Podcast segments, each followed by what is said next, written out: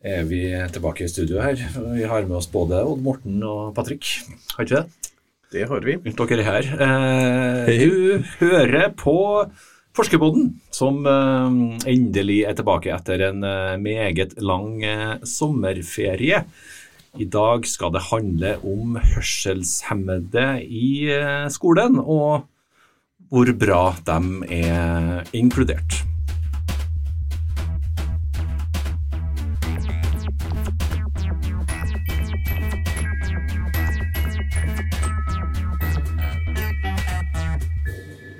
Forskerpodden er NTNU Samfunnsforsknings eh, egen podkast, og vi tar opp i studio på Dragvoll i Trondheim. Programleder er som eh, vanlig undertegnede Vegard Smevold, og du hørte så vidt til dem for noen sekunder siden her, så vi må kanskje presentere dem litt uh, dypere nå. Vi har med oss uh, Odd Morten Mjøen, uh, god dag. God dag, god dag. Og Patrick Kermit er her også. Hei, hei, god dag. Dere er begge forskere ved vår avdeling mangfold og inkludering. Og hvordan har dere hatt det i sommer? Eh, ja, nei, vi har hatt det veldig Jeg kan svare for meg sjøl i hvert fall. Jeg har hatt det veldig fint i sommer. Eh, det er alltid godt med en liten pause fra eh, hverdagen. Og lade batteriene. Så jeg må si at jeg har kosa meg stort i sommer.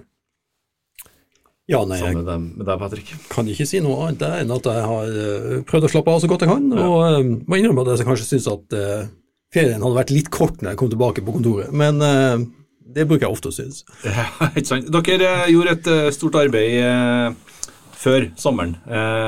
det er en rapport vi skal snakke om i dag som heter 'Betingelser for god inkludering for hørselshemmede'. Dere begynte på rapporten allerede i 2019, men så kom pandemien utpå vårparten i fjor, og dere måtte utsette rett og slett hva som skjedde? Når vi skal eh, forske på hvordan eh, elever har det i skolen, eh, så er det jo et viktig poeng at de kanskje er i skolen når de svarer. Sånn at Det var årsaken til at vi var nødt til å vente til elevene var tilbake igjen, før at vi satte i gang med de undersøkelsene som vi gjorde. Så dere gjorde ikke noe intervju på Teams her i mars-april i fjor? Nei, altså vi gjorde intervju, eh, og kom i gang med intervjuene før, eh, før covid satte i gang for fullt. Men eh, det vi skulle gjøre, var jo å utvikle også en spørreundersøkelse. Og det var den spørreundersøkelsen som vi ikke kunne sende ut til elevene mens de var på hjemmeskole, og spørre om hvordan de hadde på skolen. Så det var først etter at skolestart, hele skolen var i gang igjen, at vi kunne sende ut den undersøkelsen. Ja, for alvor igjen da i august 2020? Ja. ja. Mm. Hvorfor eh, ville dere undersøke det her utgangspunktet, Patrick, om hvordan eh, hørselshemmede har det i den norske skolen? Mm. Um, uh, jo, altså den, den, direkte årsaken til at akkurat denne uh, rapporten ble skrevet, var at vi, uh, vi, påtok oss det som et forskningsoppdrag som ble betalt av Hørselshemmedes Landsforbund um, som oppdragsgiveren vår. Men, um, men, det er en forhistorie der som handler om at uh, både Odd Morten og jeg har uh, vært i dette forskningsfeltet svært lenge. Um, helt siden 90-tallet, begynner å bli veldig mange år. vi har en, en, en, sterk interesse for uh, hørselshemmede barn og unge. sånn at uh, denne rapporten føyer seg inn i en rekke av forskningsarbeider som, eh, som, vi har gjort sammen, som vi har gjort litt hver for oss. Og, eh, og denne gangen var vi sammen om å, å gjøre dette, med han Odd Morten som prosjektleder og jeg som prosjektmedarbeider. Mm. Går det an å si noe om hvorfor dere har vært spesielt interessert i hvordan hørselshemmede har det? For mitt vedkommende så eh, kan vi nesten si at det var litt tilfeldig. Eh, jeg fikk en eh, veldig stor interesse for tegnspråk egentlig i utgangspunktet i ungdommen, og forfulgt den interessen. Og så har jeg da i, i de senere årene jobba både med Etter hvert ble jeg jo tegnspråktolk, jobba som det i flere år. Og har jobba på tegnspråktolkutdanninga her ved NTNU, den gangen på Høgskolen i Sør-Trøndelag. Eh, og så har jeg da etter hvert fått mer eh, en interesse for funksjonsnedsettelser rent generelt, og også har bevega meg inn på, inn på områder knytta til hørselsnedsettelser og, og, personer som ikke bruker tegnspråk, som denne rapporten gjelder. Eh, så, sånn at eh, Utgangspunktet var tilfeldig, men det er jo et veldig spennende område å få lov til også å fordype seg i. Mm, du sier tilfeldig, men hvordan blir en 15-åring eh, interessert i tegnspråk? Ja, nei, jeg så noen som brukte tegnspråk når jeg var 14-15 år, mm. og tenkte at det der så kult ut. Mm. Det har jeg lyst til å lære meg. Og så åpna muligheten seg for at jeg kunne begynne på tegnspråkkurs, og så gjorde jeg det og, og har fortsatt, fortsatt å jobbe med eh, tegnspråklige ja, på, på, tegnspråklige områder, da, skal jeg si, i, i eh, alle årene etterpå. Det var ikke noen du ville lure eller altså, prate om noe som eh, ikke alle skulle få med seg? Nei, det var det ikke. Eh, så jeg hadde vel egentlig ikke noe spesiell forestilling om hva tegnspråk egentlig var når jeg begynte, men, men det her var jo her var jo i en periode da vi begynte å se litt tegnspråk på TV-en. Ja, riktig. Det var jo noen eh, tegnspråkprogrammer som kom. 'Jakten på Monica' var bl.a. et sånt okay. eh, program som gikk, eh, der at vi ble introdusert for tegnspråk, og som jeg syns virka veldig spennende. Da snakker vi 80-tallet? Da snakker vi 80-tallet, ja. ja. Riktig. Mm. Enn eh, Patrick, da? Eh, ja, nei, Det er morsomt å høre på og Morten og sier at det, det er helt tilfeldig. Um, for Jeg mener jo egentlig selv også at det er ganske tilfeldig at jeg havna akkurat her i dag, men, men, jeg har vokst opp med døve besteforeldre oppe i Nord-Norge. Uh, og, og, der var det så dårlig tilgang på tegnspråktolker på uh, 80-tallet at selv en ungdom som bare kunne litt tegnspråk, fikk lov å jobbe som tegnspråktolk. Um, så det fikk jeg da. Uh, og så begynte jeg å studere helt andre ting. Jeg skulle, bli, jeg skulle ta et hovedfag i filosofi, og, og, satt og gjorde det ferdig når jeg da fikk tilbud om å få eh, komme til Trondheim og, og ta sånn kompetansegivende etterutdanning som gjorde at jeg eh, til sist ble ordentlig tolk, da, kan vi si. Um, og da, på det tidspunktet, så var jeg jo eh, allerede blitt en del av det, det miljøet på daværende Høgskolen i Sør-Trøndelag som var under oppbygging, og som var interessert i i eh, tegnspråk og tolking og, og, det som rørte seg rundt det. Og, eh, og der ble jo Odd Morten og jeg etter hvert kollegaer, og, eh, og, det var jo der vi starta forskerkarrieren vår, må vi kunne si. Ja. Mm. Hvordan var det å kommunisere med døve besteforeldre? Jo, um, ja, det blir jo litt personlig, uh, fordi at uh, uh, Altså, så lenge dem var i live, og jeg kommuniserte med dem, så hadde ikke jeg noen klar bevissthet om at tegnspråk er et uh, ekte språk. Så jeg trodde på mange måter at uh, det vi holdt på med, var at, uh, at jeg gjorde tilpasninger, og at, og at jeg var ganske flink, og, og, liksom kunne det her. Um, og da tenkte jeg kanskje mest på besteforeldrene mine som mennesker med funksjonshemming, eller funksjonshemma mennesker. men så ble jeg jo klar over og da var ingen av dem i live lenger. At, eh, nei da, det var stikk motsatt. Det var dem som hadde tatt hensyn til mine dårlige tegnspråkferdigheter og, og tilpassa seg mitt dårlige nivå. Og det var jo et, eh, et, eh, en alvorlig sånn oppvåkning for mitt mm. vedkommende som gjorde at dette temaet ble brått uh, veldig interessant. Og i dag så vil jeg jo si at jeg er også funksjonshemmingsforsker. Altså, så jeg er opptatt av dette fenomenet, fordi at funksjonshemming handler veldig mye om at de som ikke tenker på seg selv som funksjonshemma, eh, overfører sine forestillinger om, om, hvem de andre er, på måter som gjør at funksjonshemmede opplever diskriminering og utestengelse. Så hvis jeg skal være igjen personlig, så kanskje liksom fikk jeg en sånn oppvåkning av at jeg kanskje hadde tenkt feil om besteforeldrene mine. Mm, mm. Så nå prøver du å bidra til at uh ja, nei, jeg, jeg, prøver ikke å si at, liksom skal, at, at, at, livet mitt består i å gjøre ting godt igjen. Det er Så alvorlig er det ikke. Men, men jeg tror at mange har godt av en sånn opplevelse.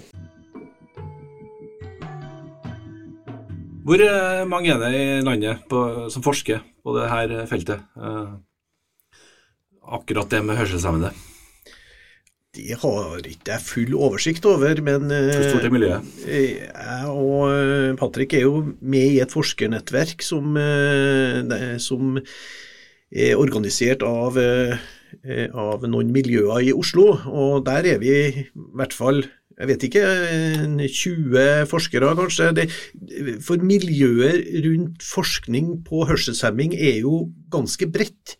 Vi hadde jo en innfallsvinkel via tegnspråk, men en kan jo også forske på mer sånn Eh, audiologiske perspektiver, eller, en, eller, mer medisinske perspektiver, eh, eller at en kan ha mer samfunnsvitenskapelig tilnærming, sånn som vi har hatt. Altså, mm, mm. Sånn at feltet er bredt for at det er veldig sammensatt. Mm. Og så er, det vel, så er det rimelig å si også at, eh, at litt avhengig av, av, hvor man kommer fra, så har man også til dels litt sånn interesser på tvers, eller synspunkter som ikke alltid går helt overens. Sånn at, at tradisjonelt så har jo f.eks. elever i skolen med hørselshemming vært i, i, på en måte innenfor spesialpedagogikken sitt virkeområde og fokus. Um, men vi kan jo si at vi som, vi som mer samfunnsorienterte forskere som støtter oss på det som heter funksjonshemmingsforskning, vi vi prøver både å liksom gi innspill til hva som er den best mulige spesialpedagogiske tilnærminga, samtidig som vi er ganske kritiske til tilnærminger som f.eks. lener seg for tungt på et individuelt syn på hørselshemminga, som bare liksom skal forklare problemer med medisin og, og, og teknologi f.eks., eller, eller har en idé om at man, man skal jobbe mest mulig for at, at f.eks. Eh, hørselshemma unger skal, skal og nå bruker jeg det ordet, liksom, habiliteres, at de skal, at de skal trenes til å, til å, bli mest mulig sånn som de andre elevene som kan ja, høre. Mm, mm. Mm. Vi må dykke litt ned i rapporten deres, tror jeg. Um, og snakke litt om hva dere har funnet ut eh, der. Eh, vi kan jo starte da, med å spørre om hvor mange hørselshemmede finnes det i den norske skolen? Ja, det er jo sånn at eh, I Norge så har vi ikke uh, sentrale register for den. Uh, altså Det registreres ikke sentralt i Norge hva slags hørselsstatus elever i skolen har.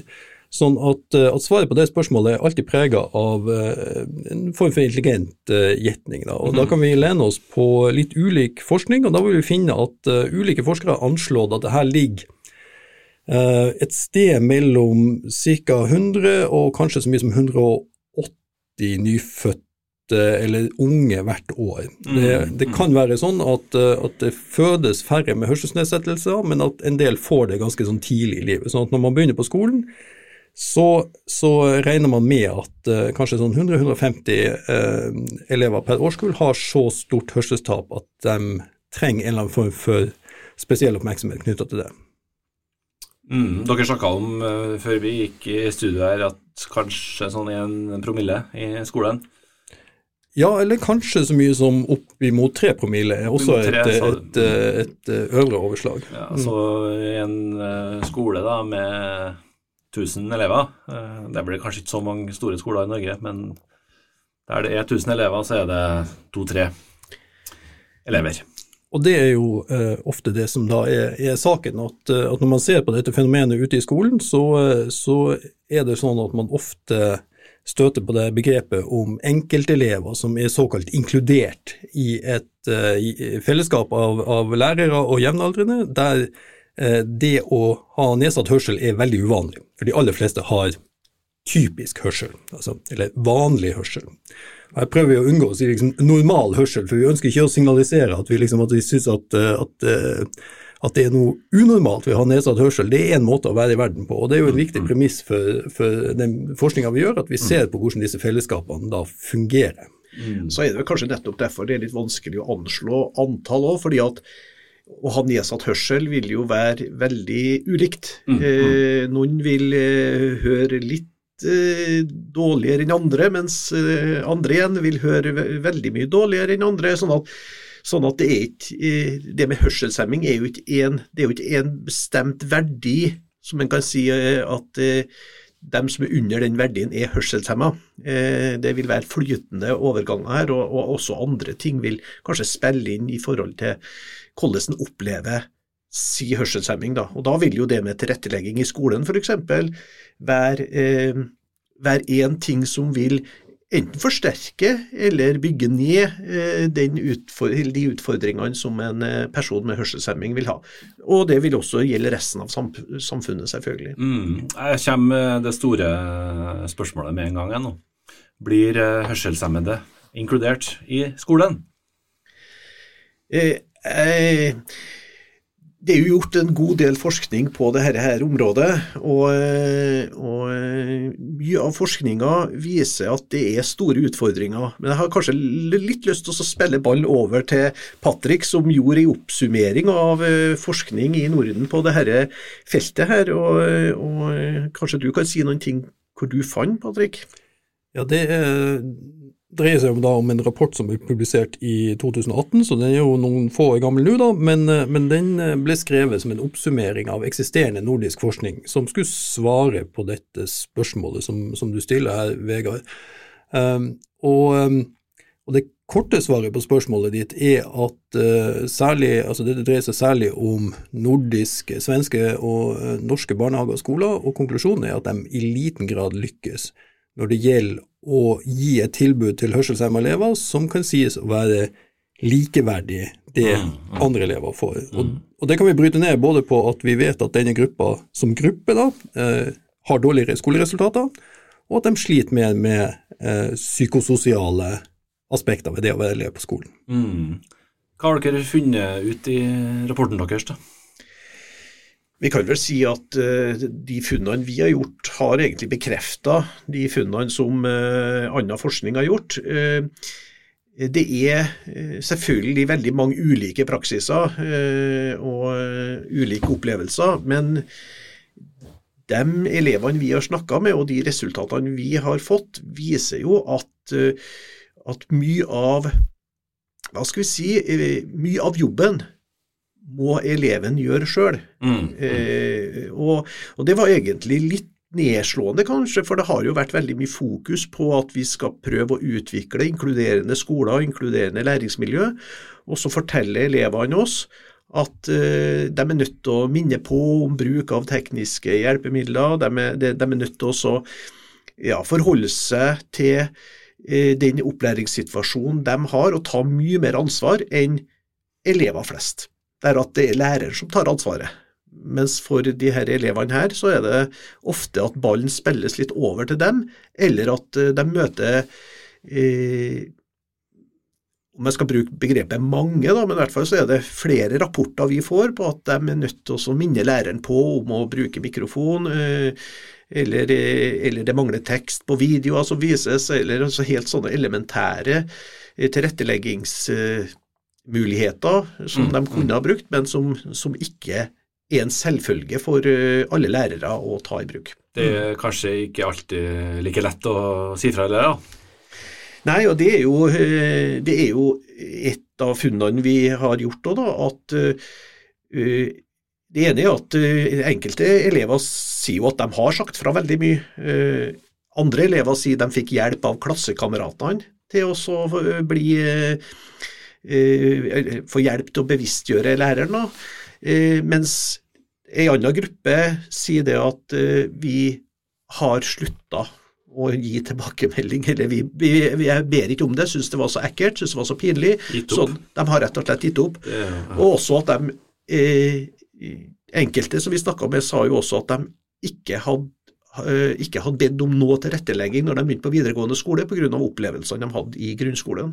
At de rett og slett ikke ville ligge eh, til last for resten av eh, klassemiljøet. Og det er jo egentlig veldig eh, oppsiktsvekkende eh, på et vis, og, at jeg tror kanskje at en, at må være veldig bevisst på eh, rekkevidden av de, de de avgjørelsene, eller mangelen på oppfølging som enkelte lærere eh, har gitt, da, fordi at det får konsekvenser for kanskje resten av utdanningsløpet til de her elevene. Mm, mm. det er jo veldig alvorlig det du sier der. Eh, hvor er det det svikter?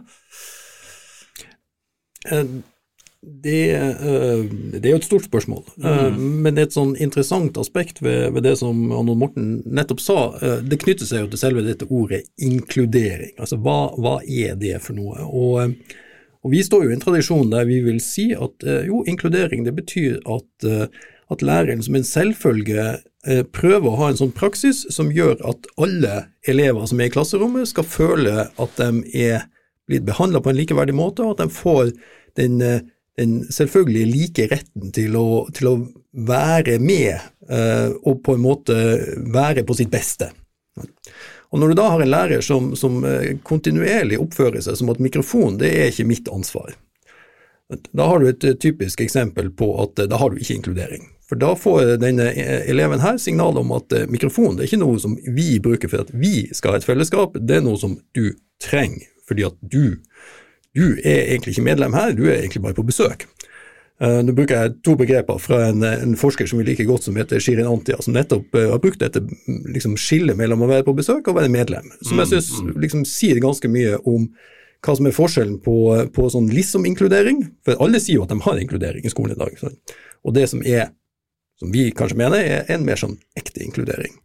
Og um, og da er det jo eh, ja, Du brukte eh, begrepet liksom utfordrende, Morten. Jeg tror kanskje jeg ville bruke litt sånn sterkere ord. Så det er jo rett og slett stusslig når unge mennesker forteller at de, eh, at de bare sitter der og har trukket hodet tilbake og ikke lenger vil gidde eller klare å være synlige i klasserommet fordi at det koster dem så mye å skulle stå frem med at kan du være så snill å ta på deg mikrofonen. Mm, mm. Um, det er jo en fallitterklæring, Særlig så er det også sånn at når vi er samfunnsforskere, så er vi opptatt av liksom, hvilke problemer er det vi kan løse, eh, og hvilke problemer er det vi ikke kan løse.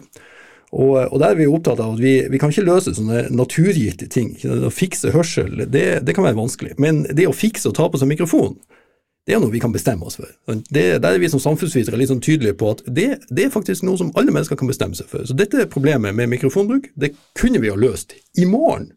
For hele Norge.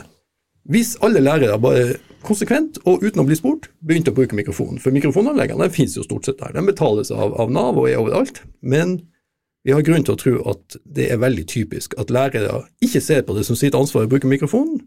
Eh, og det er jo merkelig, fordi at de ser det på som sitt ansvar å ta fravær og sette karakterer og gjøre alle mulige ting, men av en eller annen grunn så er det her ikke noe som omfattes av lærernes forståelse for hva som er ansvaret deres. Mm. Vi har ikke noen lærere i studio her? Eh, Nei, vi skyter, vi, vi, Det er ingen som kan forsvare seg her, og, og det må vi kanskje si med en gang. Altså, vi har stor respekt selvfølgelig for det som foregår ute i skolen, men, men, eh, men dette eksempelet med mikrofoner det, er, det, går igjen så massivt, og de fortellingene er så mange, mm. at det forteller noe om en litt sånn systematisk svakhet. Og så er det jo f.eks. Eh, andre eksempler som er, som er, mye, som er positive på f.eks. skoleledere og rektorer som er tydelige på å si at her på min skole skal alle føle ansvar for alle elever. Og Det betyr f.eks. som en rektor sa til meg en gang, at på min skole så er det sånn at hvis, eh, hvis den ene hørselshemma eleven vi har her, eh, faller og slår seg ut i skolegården, så skal enhver lærer kunne tilstrekkelig med tegnspråk til å trøste han. Det synes jeg var et, et veldig sånn godt uh, utsagn som viser nettopp hva som ligger i en sånn inkluderende tenkning. Mm. Må det inn på lærerutdanningene der, da? Ja, kanskje her på rektorutdanninga, tenker jeg litt om, men, men, men um, lærerutdanninga er jo tradisjonelt veldig fullpakka med alt som lærere skal kunne, så jeg tror kanskje ikke at vi skal insistere på at hørsel skal inn på, på timeplan, men, men inkludering. Altså denne tenkninga om at praksisen din må må matche det fellesskapet du står overfor, eh, den tror jeg er viktig. fordi det er altfor mye undervisning som gis av lærere som på en måte har en slags innbilning om hvem de snakker om, den, eller snakker til. Og da innbiller de seg at elevene liksom er på én bestemt måte. En slags, og her bruker jeg helt bevisst begrepet normalelev. En, en, en idé om en, en, vanlig elev. Og det er jo egentlig veldig få elever som, som lever opp til det bildet. Mm. Hva gjør dere samfunnsforskere da, for å for at lærere skal skjerpe seg allerede i morgen? Eh, allerede, i morgen, allerede den uka her så skal jeg ut og snakke med lærere.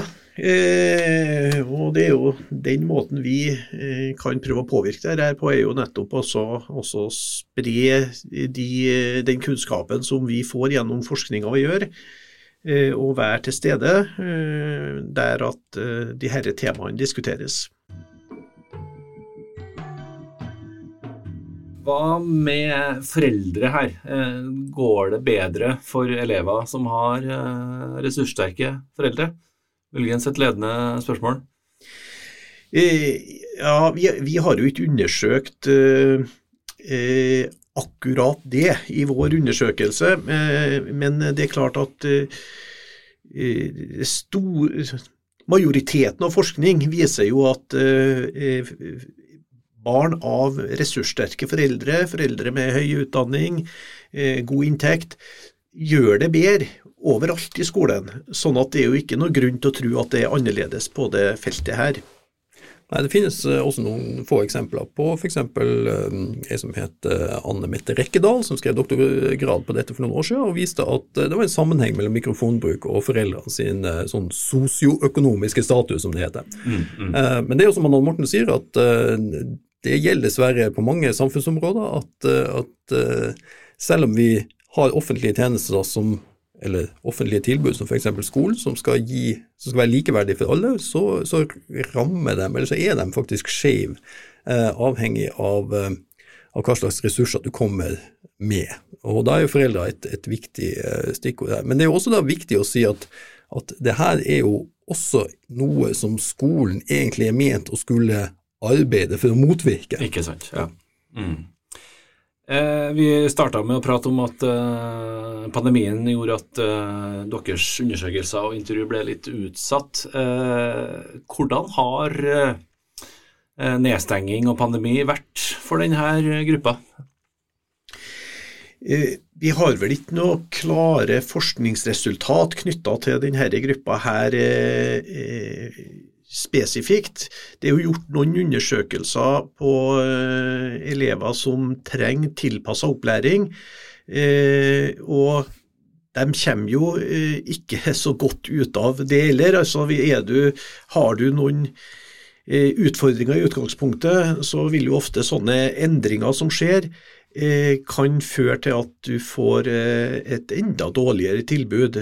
Eh, men når det er sagt, så vil jo dette her variere eh, fra individ til individ, det òg. Så det kan jo være at enkelte føler at de har fått et bedre tilbud uten at vi kan konkludere på, på det. Mm. Eh, men vi har anna, et, et annet forskningsprosjekt pågående på NTNU samfunnsforskning, der at vi ser på akkurat dette her, men, men der holder vi på med analysene nå, sånn at vi kan komme tilbake igjen senere, på et senere tidspunkt og snakke Absolutt, om akkurat den undersøkelsen. Mm. mm. Jeg ser jo ikke for meg da, at uh, nødvendigvis Teams og hjemmeskole og uh, søsken og foreldre hjem i mars-april i fjor gjorde det enklere for det er et veldig, det er et veldig spennende spørsmål, og, og, jeg er jo helt enig i det som sies her, at, at eh, forskningsantakelsen og det lille vi vet, antyder jo at de som hadde lite fra før, fikk enda mindre. Um, sånn at Veldig mye av det som er gjort under pandemien, har vært gjort for at, uh, at de som hadde altså på en måte,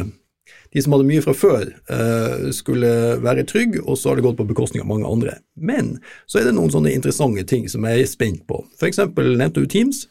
Ja, uh, i Teams kan man bare snakke én av gangen. Ja, sant. Ja. Hvis man snakker i munnen på hverandre i Teams, da blir det bare bøll. Uh, det fungerer ikke i det hele tatt, det har vi opplevd alle sammen det siste halvannet året. Det å snakke én av gangen, det er en veldig fin regel hvis du har hørselshemma i klassen. Det gjør det mye lettere å være inkludert. Hvis læreren kjører et helt konsekvent snakk én av gangen-regime, så fremmer det inkludering. Sånn at, eh, at, Det kan jo være at det kommer noen originale ting her. At det faktisk viser seg at noen sa at ja, for første gang nå så kunne jeg henge med i, i diskusjoner i klasserommet, f.eks. Mm, interessant. Vi har ja. fått trent litt på Teams alle sammen. Mm. Eh, vi skal nærme oss en eh, konklusjon her etter hvert. Eh, og da lurer jeg jo på, da, eh, hvordan har hørselshemmede hvordan har hørselshemmede det i skolen i 2021? Eh, ja, det er jo et vanskelig spørsmål, og det vil jo selvfølgelig variere. Eh, og eh, de, altså, Undersøkelser viser jo at, som Patrick sier, at på ulike områder så skårer de jo dårligere enn en andre elever, da, men da er det jo snakk om gjennomsnitt. Så her vil det jo finnes variasjoner. Enkelte vil jo oppleve at de har det veldig bra og får god oppfølging, mens andre har andre opplevelser som er mer negative. Men det store bildet er jo kanskje det at, at det i hvert fall er mange ting som kan gjøres på dette området.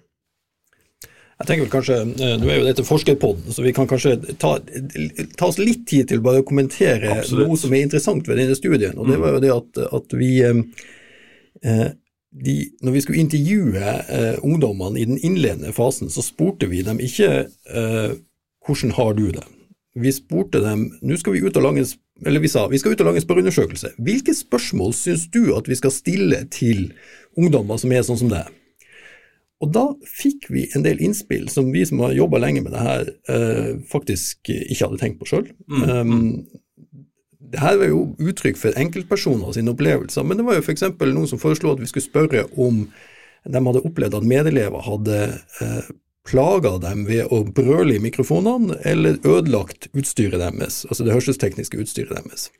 Um, så, så, noe av svaret her, uh, når du spør Vegard, hvordan har hørselshemmede elever i skolen, det er jo at vi, vi jobber enda med å få frem de finere detaljene. Det er mye som vi ikke vet, det er mye det ikke har vært oppmerksom på.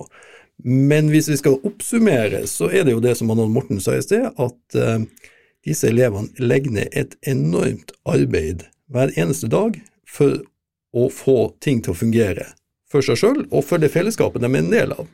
Og det er et arbeid som ofte er fullstendig uanerkjent. Det er ingen som ser det, det er ingen som skjønner hva de gjør, eh, men det skjer hele tida. Og det tenker jeg liksom er den eh, det viktige å også gjøre lærere oppmerksom på at hvis man som lærer ikke er oppmerksom på at det finnes elever i ens klasse, og det trenger jo ikke bare være hørselshemmede elever, det er andre funksjonshemmede elever eller elever som har andre typer bakgrunner, som også må legge ned sånt merarbeid daglig, så, så er det, det er tema det er viktig å skape bevissthet om. Mm. Det er jo eh, ganske eh, eller det er alvorlige tall. og svar på undersøkelsen dere legger fram her. Eh, hva er deres beste forslag eh, for at eh, denne gruppa skal få det bedre? Stort spørsmål til slutt her. Det er kanskje vårt i hvert fall sånn som, sånn som jeg ser det, så, så tror jeg det er er veldig viktig å uh, begynne å tenke på hvordan skal skolen tilrettelegges for alle. At vi ikke har et individfokus der at vi skal bare prøve å tilpasse det enkelte barnet til skolen, men at vi skal prøve å lage en skole der at en møter det mangfoldet av elever som er der. Og Nå sier jeg at ikke skolen prøver det, men jeg tror at den må prøve det enda sterkere, for at jeg tror det er det som er veien å gå for oss å få til et godt inkluderende læringsmiljø. Og Så vil det selvfølgelig hele tida være elever som har behov for noe mer, eh, om det er teknisk utstyr, om det er eh, framkommelighet i forhold til mer sånn eh, utfordring om å ta seg fram på skolen, eller om det er lysforhold for eh, personer med synsnedsettelser, eh, så kan det være at en er nødt til å ha eh, også se individet sine behov, men jeg tror at vi har mye å gå på med å på et vis jobbe enda mer med den tilpassa opplæringa som, som, skolen skal ha, der at den møter alle elever på en bedre måte. Patrick? Ja, nei, jeg, synes, uh, altså jeg er helt enig med Odd Morten. Og så er jo det spørsmålet som du stiller, Vegard. Det er sånn spørsmål som vi ofte får. og I mange år så, så var jeg aldri helt fornøyd med det jeg sjøl svarte, fordi at jeg følte at, at, uh, at jeg må ta på alvor at man trenger liksom konkrete anvisninger. Så Derfor har jeg begynt å si eh, omtrent det samme som du nettopp sa, Odd Morten.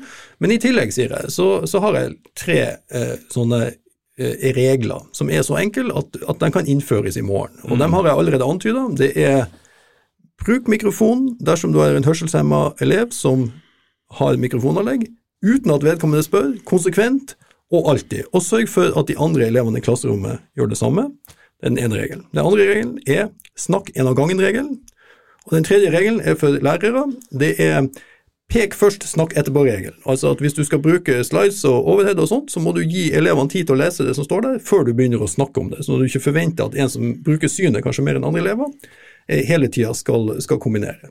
Så tre enkle regler som man kunne ha innført eh, hvor som helst hvor man har hørselshemma elever i morgen, og det ville gjort en enorm kvalitativ forskjell. Og da vil man kanskje også komme inn at man begynner liksom å tenke etter ja, hva er det egentlig dette handler om. Men det handler jo om å, å få til praksiser der et fellesskap opptrer sånn at, at alle får være til stede på en god måte. Jeg tror vi lar de tre reglene være dagens uh, siste forskningsord. Takk for i dag, Odd Morten Mjøen og Patrick Kermit. Takk. Sjøl takk. Du har hørt på Forskerpodden, som er NTNU Samfunnsforsknings egen podkast. Du hører den eh, overalt hvor du hører favorittpodkasten din. Vi er tilbake neste gang.